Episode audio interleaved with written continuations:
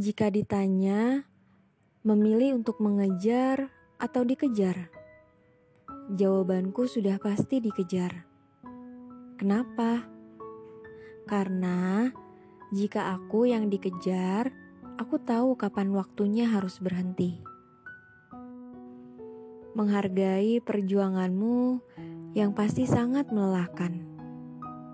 Namun, jika aku yang mengejar kamu, kamu takkan pernah tahu kapan waktu harus berhenti.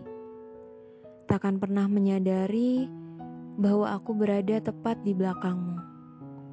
Sampai aku merasa lelah lalu berhenti sendiri. Tersadar bahwa semua ini akan sia-sia. Dan akhirnya mencoba membuka hati pada yang ingin benar-benar menetap di hati.